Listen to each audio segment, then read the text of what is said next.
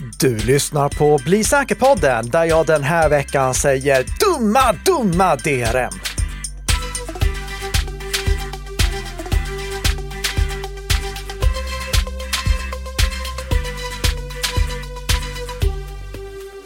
Mm, lite kinkig så här. Men du, man får inte stjäla. Nej, precis. Sony, hör det. Piracy is wrong. Man stjäl inte filmer. Eh, Det har ni sagt i många år och nu är det ni själva som gör det. Ja. Det kommer vi prata om i veckans avsnitt. Den kom tillbaka som en boomerang kan man säga. Precis Precis. som eh, vintern och december har gjort här. Ja. För vi är alltså inne i december. Ni lyssnar på detta den 8 december. Om ni är trogna lyssnare och trycker på play-knappen så fort den kommer ut. Men det är inspelat den 7 december. Och det är ju också i ekonomiskt oberoende samarbete mellan Nika Systems och Bredband2. Precis. Det första som vi ska prata om är lite uppföljning. Och nu tänker ni, ah, uppföljning om chat control.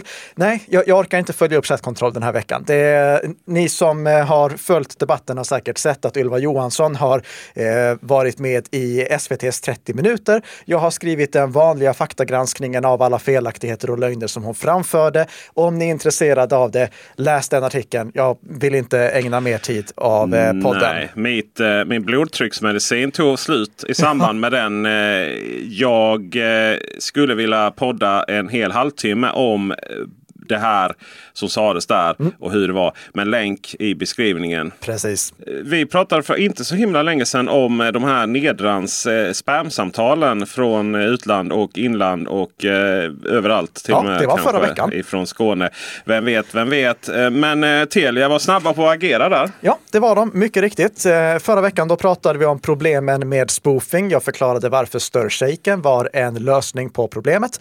Och eh, så konstaterade vi också att Eh, Post och telestyrelsen hade lite nya vägledningar som de gav till de svenska mobiloperatörerna. Vägledningar som PTS förväntar sig att ska bli riktlinjer från och med nästa år, eh, någon gång nästa år. Alltså då omvandlas från någonting som är en uppmaning till operatörerna till någonting som faktiskt är pekar med hela handen. Och även om PTS inte pekar med hela handen och säger att eh, de ska implementera stir-shaken så eh, har i alla fall eh, Telia och de andra operatörerna börjat jobba lite med att förhindra de här bluffsamtalen. Och eh, nu eh, i veckan, i tisdags närmare bestämt, då skickade Telia ut ett pressmeddelande där de skrev så här, citat. För att bekämpa bedrägerisamtal via spoofing blockerar Telia tillsammans med övriga operatörer fasta svenska nummer som ringer från utlandet från den 5 december. Telia blir samtidigt först i Sverige med en teknisk lösning för att även spärra spoofade mobilnummer. Sen hoppar vi lite i citatet. Varje månad tar Telias nät emot cirka 15 miljoner samtal från utlandet. Av dessa kommer cirka 3 miljoner in som svenska fasta nummer och kommer enligt den nya åtgärden att blockeras. Slutcitat. Och det här är då intressant eh, av två skäl. För det första, bra att det här är på plats, även om det skulle varit på plats för länge sedan. Och för det andra, vi fick en liten indikation på hur många samtal, vi fick en procentuell andel. Det, det var ju någonting vi Det efterfrågade. är så enormt mycket samtal. Ja. Och sen så skriver de också så här längre fram i det här eh, pressmeddelandet eh, med anledning av det som vi pratade om förra veckan, just att utlands, eh, en, en mobilanvändare som inte ringer från ett fast telefonnummer utan från ett mobilnummer kan ju befinna sig i utlandet. Och eh, det har Telia nu också på plats, för de skriver för att förhindra spoofade mobilsamtal från utlandet har Telia utvecklat en ny teknisk lösning som gör det möjligt att identifiera om samtalet från det svenska mobilnumret verkligen ska ringa in från utlandet. Det genom att anonymt kontrollera om det inringande numret redan befinner sig i Sverige. Identifieras en dubblett av numret i Telias nät blockeras det falska internationella samtalet. Slutcitat. Det här ger ju då inget hundraprocentigt skydd, men ett bra steg i rätt riktning och det är vi glada för. Jajamensan. Karl-Emil Nicka, har du riset och rosen redo i vardera hand. Ja, jo men det har jag. Mm, ja. För nu ska vi nämligen dela ut ett sådant eh, ris och en liten ros till ett och samma företag. Ja. För Meta har trampat i GDPR-klaveret en gång för mycket här kanske kan man ju tycka. Eh, Men man har också gjort någonting bra. Men vi börjar väl med eh, ajabaja. Mm, det kan vi göra. För förra veckan igen, då pratade vi om att eh, NOIB, alltså Max Schrems intresseorganisation, None hade, of your business. exakt, Ja. hade anmält eh, Meta till den österrikiska dataskyddsmyndigheten med anledning av eh, den här nya frågan som eh, Meta ställer där de ger dig två alternativ. Antingen betala för att slippa reklam eller eh, godkänna att vi har reklam. Just det. Och österrikiska myndigheter för dataskydd, det är för att han håller till där eller organisationen eller? Jag eh, för, jo, jo, men det gör han. Max Schrems, det är österrikare, det hör man. Men eh, det som är nytt nu från förra veckan, det är att även Sveriges konsumenter anmäler Meta till eh, Konsumentverket och eh, de danska och norska motsvarigheterna, inklusive en hel del till europeiska motsvarigheter till Sveriges konsumenter, gör det här också. Och i ett pressmeddelande som Sveriges konsumenter publicerade, som heter, som heter Vi anmäler Facebooks fulspel, så listar de upp fyra skäl till varför de anser att Metas metoder är olagliga. Och ni kan läsa hela det pressmeddelandet om ni vill. Det ligger en länk i show notes som hör och häpna. Men det som jag tyckte var intressant av de här fyra skälen, det var skäl nummer två. Och det lyder så här, citat. Konsumenter kan lätt tro att betalversionen är integritetsvänlig. Att betala för att slippa annonser verkar tyvärr inte innebära att du slipper den ökända spårningen. Detta är i bästa fall otydligt och borde förklaras mer noggrant av Meta. Förfarandet utgör en form av vilseledande marknadsföring som är olaglig enligt marknadsföringslagen. Slut citat. Och, och det här får jag ju säga att om det, Är det så? Alltså, Ja, de ja. spårar ändå? Alltså. om, om det är så att spårningen fortsätter trots att jag betalar, då är det här ju inte ens ett sätt att kringgå GDPR. Det, det, alltså om det här bara är, vill du se annonser på eller av, om det inte har någonting att göra med datan som samlas in, så är ju den här frågan eh, totalt meningslös i min mening.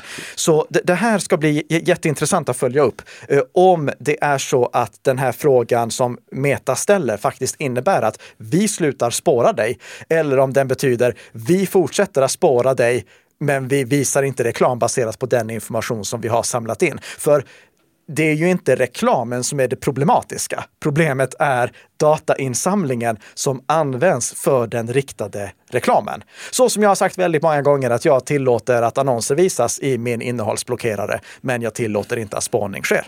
Just det. Mm. Från totalt meningslöst till totalt streckskrypterad Ah. kommunikation. Nej men titta, det är övergångarna. Det är mycket bättre än förra veckan. här. det var en snygg ja, övergång. nej, den lär jag aldrig återhämta mig från förra veckan. Men, eh, ja. Ja, det är en fantastiskt god nyhet som Meta Ja. har kommit med nu Det är så idag högt faktiskt. och lågt faktiskt. Det är Ja. verkligen så här. Bra meta, dåligt meta. Nu är vi bra. Ja. Nu är det bra. Meta tillkännager idag att de börjar den globala utrullningen av totalstreckskrypteringsstöd för meddelanden som skickas via Messenger som standard. Vi har pratat om det här tidigare, att det har varit på gång, men nu meddelar de att nu är utrullningen igång. Det betyder inte att alla har tillgång till att skicka meddelanden, eller förlåt, jag ska inte ens säga tillgång. Det, det betyder inte att alla skickar totalstreckskrypterade meddelanden som standard, för tillgången att slå på den, det finns ju sedan tidigare. Men snart kommer det bli eh, aktiverat som standard. Det kommer inte finnas något annat och du kommer veta när din eh, din Facebook Messenger-klient får stöd för det. För vi får nämligen en intressant nyhet i ett av citaten från pressmeddelandet som Meta skickade ut. De skriver så här, citat på engelska. Because there are over a billion messenger users, not everyone will get default end-to-end encryption right away. It will take a number of months to complete the global rollout. When your chats are upgraded, you will be prompted to set up a recovery method, such as a PIN, so you can restore your messages if you lose, change or add a device. Slutcitat. Det de säger här, det är alltså att eh, inte alla kommer få stöd för totalstreckskryptering som standard direkt eftersom det finns över en miljard Facebook Messenger-användare. De kommer rulla ut det här under några månader. Det är den tidsperioden de anger. Och de säger också att när dina chattar uppgraderas så kommer du få ange en återställningsmetod, till exempel en PIN-kod, så att du kan återställa meddelanden om du tappar bort, byter eller lägger till en enhet.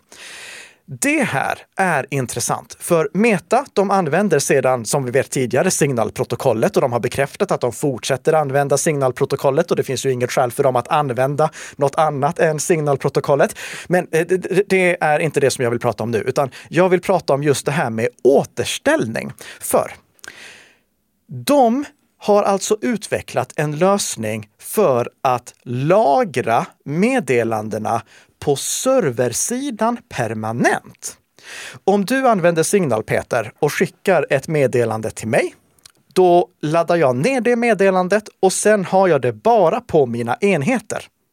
Det ligger inte kvar på Signal server. Men den lösningen vill inte Meta använda nu. De skriver så här, citat på engelska igen. Messenger, however, has a long history of storing people's messages for them so that they can access them whenever they need without having to store them locally. That's why we have designed a server based solution where encrypted messages can be stored on Meta's servers while only being readable using encryption keys under the user's control. Slutcitat. Alltså, Meta anser att eftersom de har den här historiken av att spara meddelandena på serversidan så vill de fortsätta göra det. Och de har designat en ny lösning som heter eh, Labyrinth som de använder för att kryptera meddelandena så att de ligger krypterade på Metas server och enbart kan dekrypteras med nyckeln som användaren vars meddelande det berörs har. Det här är ju en stor fördel jämfört med Signal. För om vi använder Signal, nu pratar jag om Signal som app, inte om Signal-protokollet. Signal som app, där har du ju inte någon backup. Det, det säkerhetskopieras inte dina meddelanden. Du har dem på dina enheter och blir du av med alla dina enheter, då har du blivit av med alla dina meddelanden. Ja, och dessutom om du, du kan ju hamna i osynk där ju. Så en, du loggar in med en enhet och då får du inte dina gamla meddelanden på den ju. Nej, precis. Så det, det här, det är eh, någonting som Meta inte vill att deras eh, användare ska behöva backa tillbaka till bara för att Meta börjar erbjuda totalstreckskryptering som standard. Så de har designat den här lösningen och de har publicerat ett white paper för den lösningen. Jag har inte hunnit läsa igenom hela det än, men jag ska göra det nu i helgen. Men spontant, utan att ha läst white paperet än, så kan jag säga att det är inte problematiskt för vanliga användare att det lagras kopior av meddelandena i Metas molntjänst. Det är nog snarare bara en fördel för de allra flesta.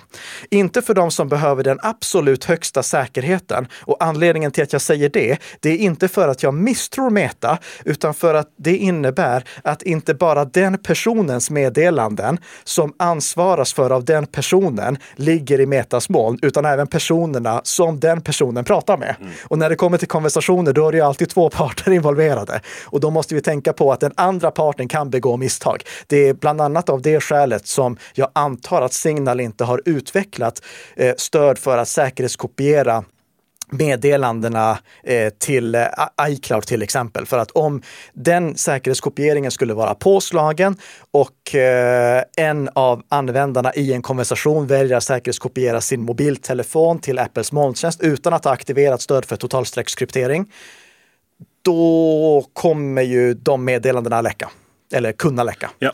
Så, eh, men, men, i alla fall, eh, om vi bara funderar på rent principiellt, om vi bortser från just problematiken med de du pratar med. Är det principiellt ett problem att Meta lagrar filerna så att de är krypterade med en nyckel som enbart användaren har? Nej, det är inte problematiskt, för det kan göras säkert, kryptografiskt säkert, tekniskt säkert, så att Meta inte kommer åt de meddelandena. Det som gör mig lite orolig däremot, baserat på det som står i pressmeddelandet, kom ihåg, jag har inte läst white paperet än, det är just den här delen, citat. You will be prompted to set up a recovery method such as a pin Slutcitat.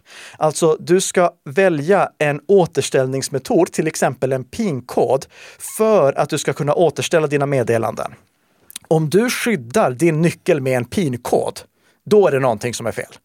För att då är det en simpel PIN-kod som gör att en angripare skulle kunna, eh, eh, och förlåt, inte en angripare som kommer utifrån, utan en angripare som har möjlighet att infiltrera Metas organisation, som troligtvis har tre bokstäver och är amerikansk. Eh, om det bara är en PIN-kod, då faller det där. Men om det finns en säkrare återställningslösning än en PIN-kod och du kan välja att inte använda en PIN-kod utan ett starkt lösenord eller en lång återställningsnyckel för att skydda den nyckeln som används för att att kryptera meddelandena, då är det okej. Okay.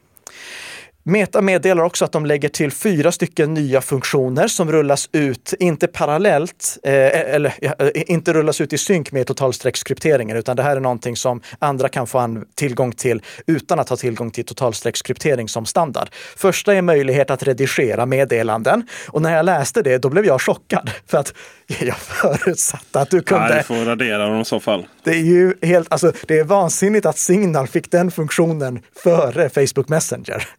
Eh, men i alla fall, möjligheten att redigera meddelanden kommer till Facebook Messenger nu. Även möjlighet att skicka bilder i högre kvalitet. Eh, möjlighet att skicka försvinnande meddelanden eh, introduceras så att meddelandena tas bort efter en viss tid och de bygger in någon sån här skärmdumpsdetektion så att du kan få en varning om någon tar en skärmdump av det du har skrivit. Jag vill poängtera här att försvinnande meddelanden, det är bara något du ska använda ifall du vill att eh, liksom, historik av meddelanden inte ska sparas. Eh, det, det, alltså, och om någon vill ta en skärmdump eller spara någonting som skickas till dem så kan de alltid göra det. Eller fota med en annan mobiltelefon.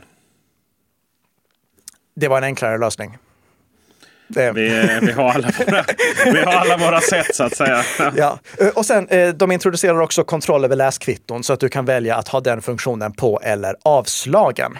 Eh, så att eh, om du inte vill att det ska indikeras att du har eh, valt att om du inte vill att det ska indikeras att du har läst ett meddelande så eh, behöver du inte ha det på. Skönt.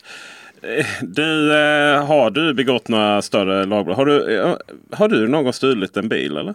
Jag har inte stulit en bil. Nej, har du någon stu, stulit en, en väska? Jag har aldrig stulit en väska. Nej, okay. Men uh, har du uh, stulit en tv? Jag har aldrig stulit en tv. Har du inte det? Nej. Men eh, du, har stu, du har stulit en eh, film va? Det har jag definitivt gjort. Ja. Åtminstone enligt upphovsrättsmaffians definition. Om ni tyckte att det som ni hörde nu var misstänkt likt någonting som ni tvingades se varenda gång ni poppade in en DVD i DVD-spelaren i början av 00-talet.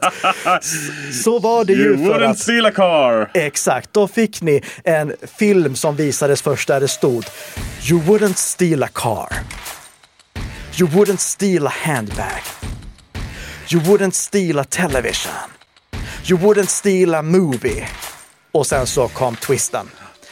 Downloading pirated films is stealing. Stealing is against the law. Piracy is a crime. Alltså det här var ju också hela scenen liksom på en mörk bakgata. Ja. Och, och sen när man försökte få det liksom till att vara organiserad brottslighet där ett tag också. Ja, nej, men det, eh, i, i, I alla fall, det, det var mycket kritik mot eh, pirater och piratkopiering. Eh, och vi tar upp det med anledning av eh, att Sony har bestämt sig för att inte försöka bekämpa de som stjäl inom citationstecken filmer, utan själv stjäla filmer. ja, verkligen. Alltså, verkligen ta bort också. Ja. ja. Det är inte så att det dupliceras. Nej, nej, de går och plockar bort den. Ja. ja. Om ni minns, jag tror det var två avsnitt sen, då pratade vi om Humble Bundle. Mm. Och då gjorde jag en stor grej av att de böcker som du köpte via Humble Bundle, de hade inget DRM-skydd eller Digital Right Management-skydd. Och anledningen till att jag ville trycka på det, det är att Digital Right Management-skydd är någonting som gör att vi inte kan se DRM-skyddade filer som någonting som vi faktiskt köper, utan någonting som vi bara långtidslånar. Och jag trodde inte att vi så kort efter att vi gjorde det avsnittet skulle få ett praktexempel på det. Om vi backar tillbaka till augusti 2021, då meddelade Sony att de skulle sluta sälja filmer och tv-serier via Playstation Store. Eh, förlåt, eh, mars 2021 tillkännagav de det här och det var någonting som skulle ske augusti 2021. De skrev så här, citat på engelska. When this change takes effect, users can still access movie and TV content they have purchased through PlayStation Store for on-demand playback on their Playstation 4, Playstation 5 and mobile devices. Slutcitat. Alltså, när den här ändringen träder i kraft, då kan användare fortfarande komma åt deras filmer och eh, tv-serier som de har köpt, de använder purchased, köpt via Playstation Store för on-demand, alltså på begäran uppspelning på deras Playstation-enheter och mobila enheter. Men eh, Sony ändrade sig. Mm. Och nu så meddelade de runt månadsskiftet i en legal update notice, för övrigt den enda legal update notice jag har läst där det inte finns en datumstämpel, att citat.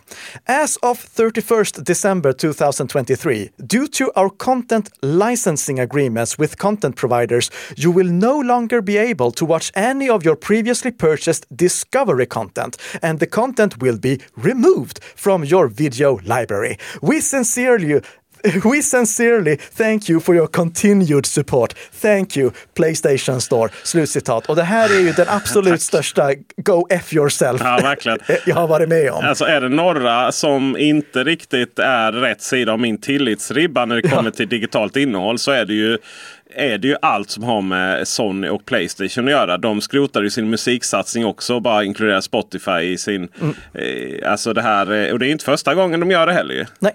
Det är, bara för att snabbt översätta också det viktiga i det här citatet. De meddelar alltså att på grund av att deras licensöverenskommelse med Discovery att den har upphört så kommer Sony att ta bort de Discovery-filmer och Discovery-tv-serier som användare har köpt. Och här är det ju någonting som är väldigt fel. Alltså, för Sony, de sålde alltså filmer och tv-serier som de i sin tur inte hade köpt rätten till, utan bara licensierat rätten till. Och ja, jag vet att i deras användarvillkor så står det att du köper rätten till att spela upp de här filmerna i den här appen över den och den tiden och att den kan dras tillbaka, jada, jada, jada. Men det är ju någonting som är väldigt fel här om vi låter digitala marknadsplatser som säljer filmer och annat media definiera ordet köp ja. som att det är någonting som inte hör ihop med ägande. I, i, I så fall, då tycker jag ju inte att det är konstigt ifall de som piratkopierar material själva definierar om det så att, eh, att piratkopiering inte är stöld.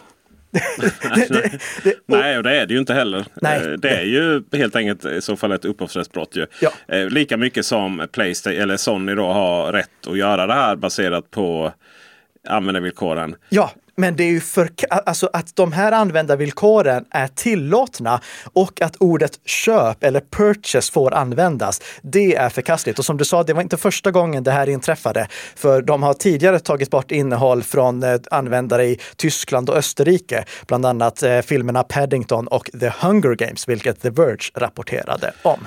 Man undrar ju här lite konsumentköplagar eh, och så har ju uppdaterats här för att matcha digitalt innehåll. Och det finns lite ansvar då som säljarna har. Jag har svårt att se att det här skulle hålla en granskning. Eller en prövning. Eller, eller därefter prövning. Ja, precis. Det... Först granskas det, sen prövas det. Ja, ja. Nej, men äh, absolut. Det, vi får se. Det, det, är ju definitivt dags att det, det här faktiskt äh, gås igenom ordentligt av domstol. För att det är inte bara problem med film. Vi har samma problem med böcker. Det var ju därför ja. som vi lyfte det i Humble Bundle-sammanhang.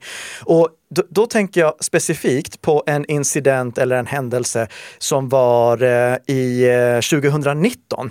I april 2019, då meddelade nämligen Microsoft att de skulle stänga ner sin bokbutik. Och samtidigt så meddelade de att eh, e-böcker som var köpta via den här bokbutiken, som var DRM-skyddade, skulle sluta vara läsbara juli 2019. Men anledningen till att jag inte säger att Microsoft stal saker så som Sony gör, eh, det är att de betalade tillbaka ursprungspriset. Så ja. de som hade köpt böcker, de fick tillbaka pengarna. Med det sagt så tycker jag fortfarande att det här är problematiskt. För det var ju de som hade gjort till exempel markeringar, markeringar och anteckningar i sina böcker. Och eh, de markeringarna och böckerna gick ju då förlorade. Microsoft meddelade därför att eh, om någon hade gjort markeringar eller anteckningar i böckerna före tillkännagivandet så skulle de här personerna få ytterligare 25 dollar i kredit ja. på sitt Microsoft-konto. Får vi hoppas att det var för många anteckningar då. Alltså, tänk på studenter som har eh, liksom ja. antecknat jättemycket och så plötsligt bara poff försvinner böckerna. Det är därför det är helt oacceptabelt att liksom säga att jag, jag köper en bok om den har DRM-skydd. För att plötsligt så finns inte appen som jag behöver för att kunna läsa just den boken. Och det är inte bara Microsoft som har gjort så här. Amazon, det, det här var länge sedan, det här var 2009, men det, det är så komiskt. 2009, då tog Amazon bort boken 1984 från användares Kindle. Ja. Ja. Liksom den perfekta boken att plocka bort. Eh, skälet till det här det var att det var någon som hade publicerat 1984 på eh, Amazons eh, Kindle Store utan att egentligen ha upphovsrätten för det. Alltså någon som påstod sig vara förlaget och som i själva verket inte alls var det. Eh, och, och här valde eh, Amazon att faktiskt hantera det här helt rätt. De, e, e, efter att det blev rabalder så meddelade Amazon att de hade gjort fel. De erbjöd sig att ge tillbaka boken inklusive anteckningar. Och eh, om man inte ville ha tillbaka boken, då kunde man antingen få ett 30 dollars presentkort eller en 30 dollars check. Så eh, det här, det är någonting vi behöver ha i åtanke.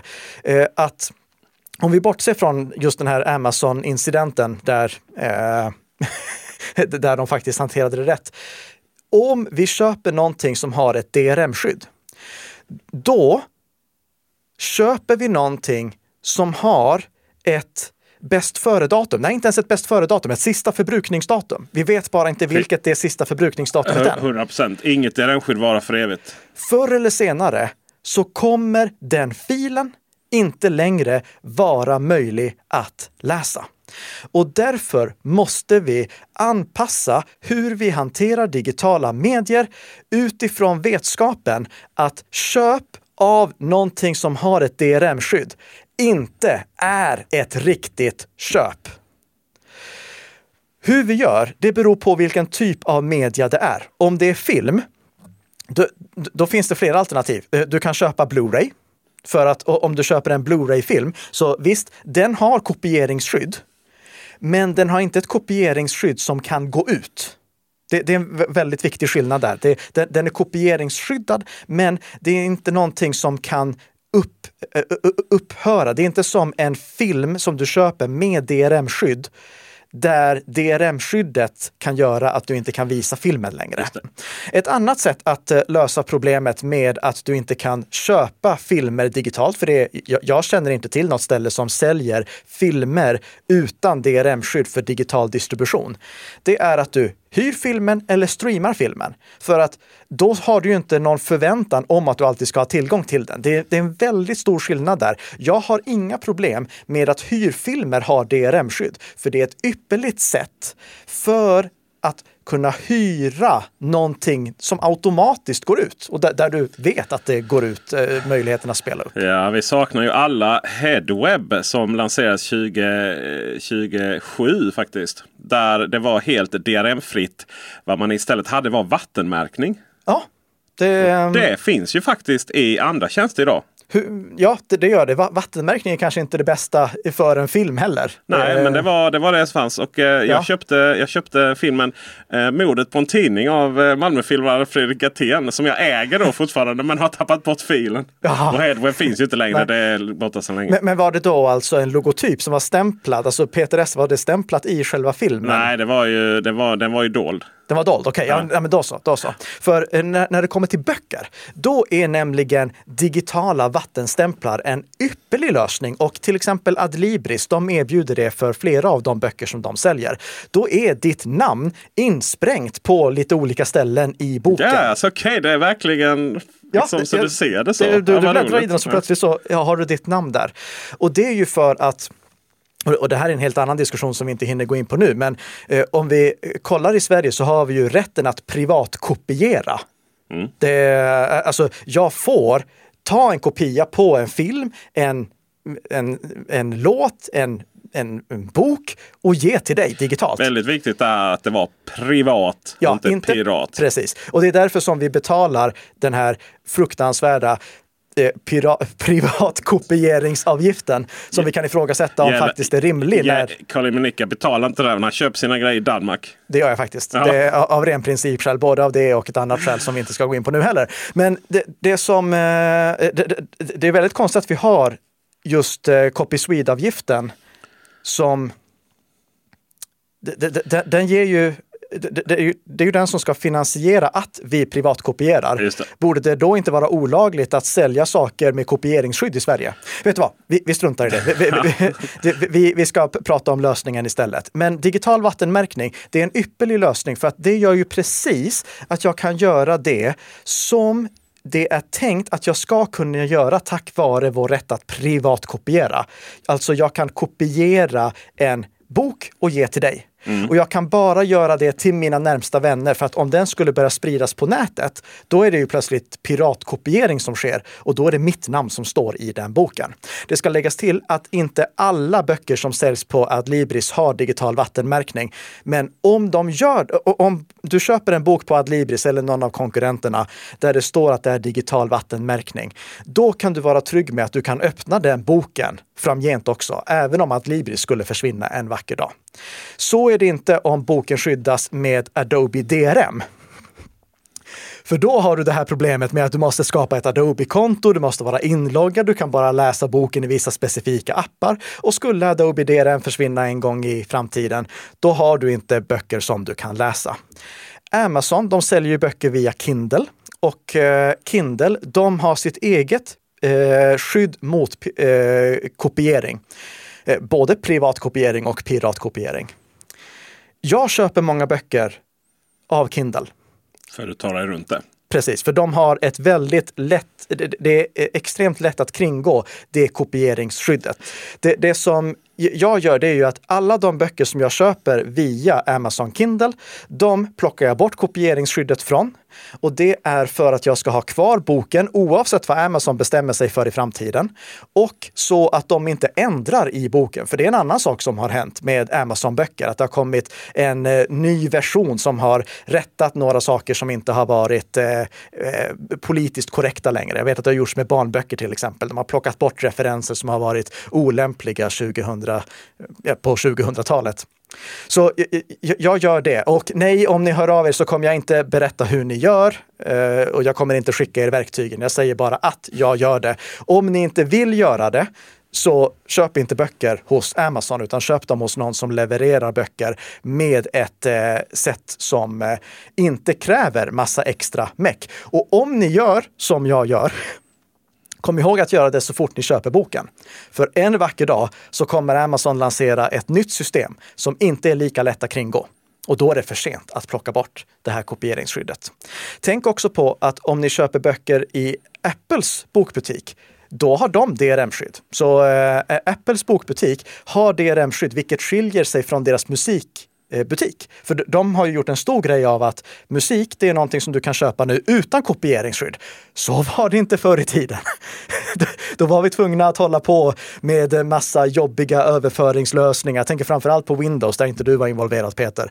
Men eh, där vi hade... Exkludera det. Ja, eh, vad hette Microsofts lösning? Eh, det, det, var någonting med att det skulle vara lätt att spela upp i alla fall, vilket det inte var. Det var himla meck att hålla på att använda Windows Media Player för att föra över filerna. Ja, bara CD-skivorna ställer ju till det också. För att det, det, det, de, var, de gick ju ifrån liksom sån standard på CD-skivor. Och när man stoppar in det i datorn bara för att spela det så skulle det vara mjukvara och, ja. liksom installerades. Och herregud i himmelriket. Mm, och då kommer vi faktiskt tillbaka till Sony. För Sony, de, eh, nu för tiden när du köper en CD-skiva, då är det inget kopieringsskydd på den. Men under, ett viss under en viss tidsperiod, då var det det. Och då gjorde Sony någonting som var ännu värre än det de gjorde nu. På ett gäng CD-skivor så hade de en egen musikspelare.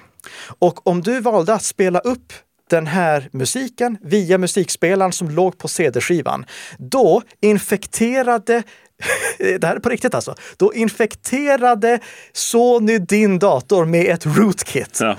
Alltså ett sånt här eh, ett skadeprogram som inte märks att finns på datorn. Det dolde sig från användaren. Det fanns ingen möjlighet att avinstallera det. Det kördes i bakgrunden även om du inte lyssnade på musiken.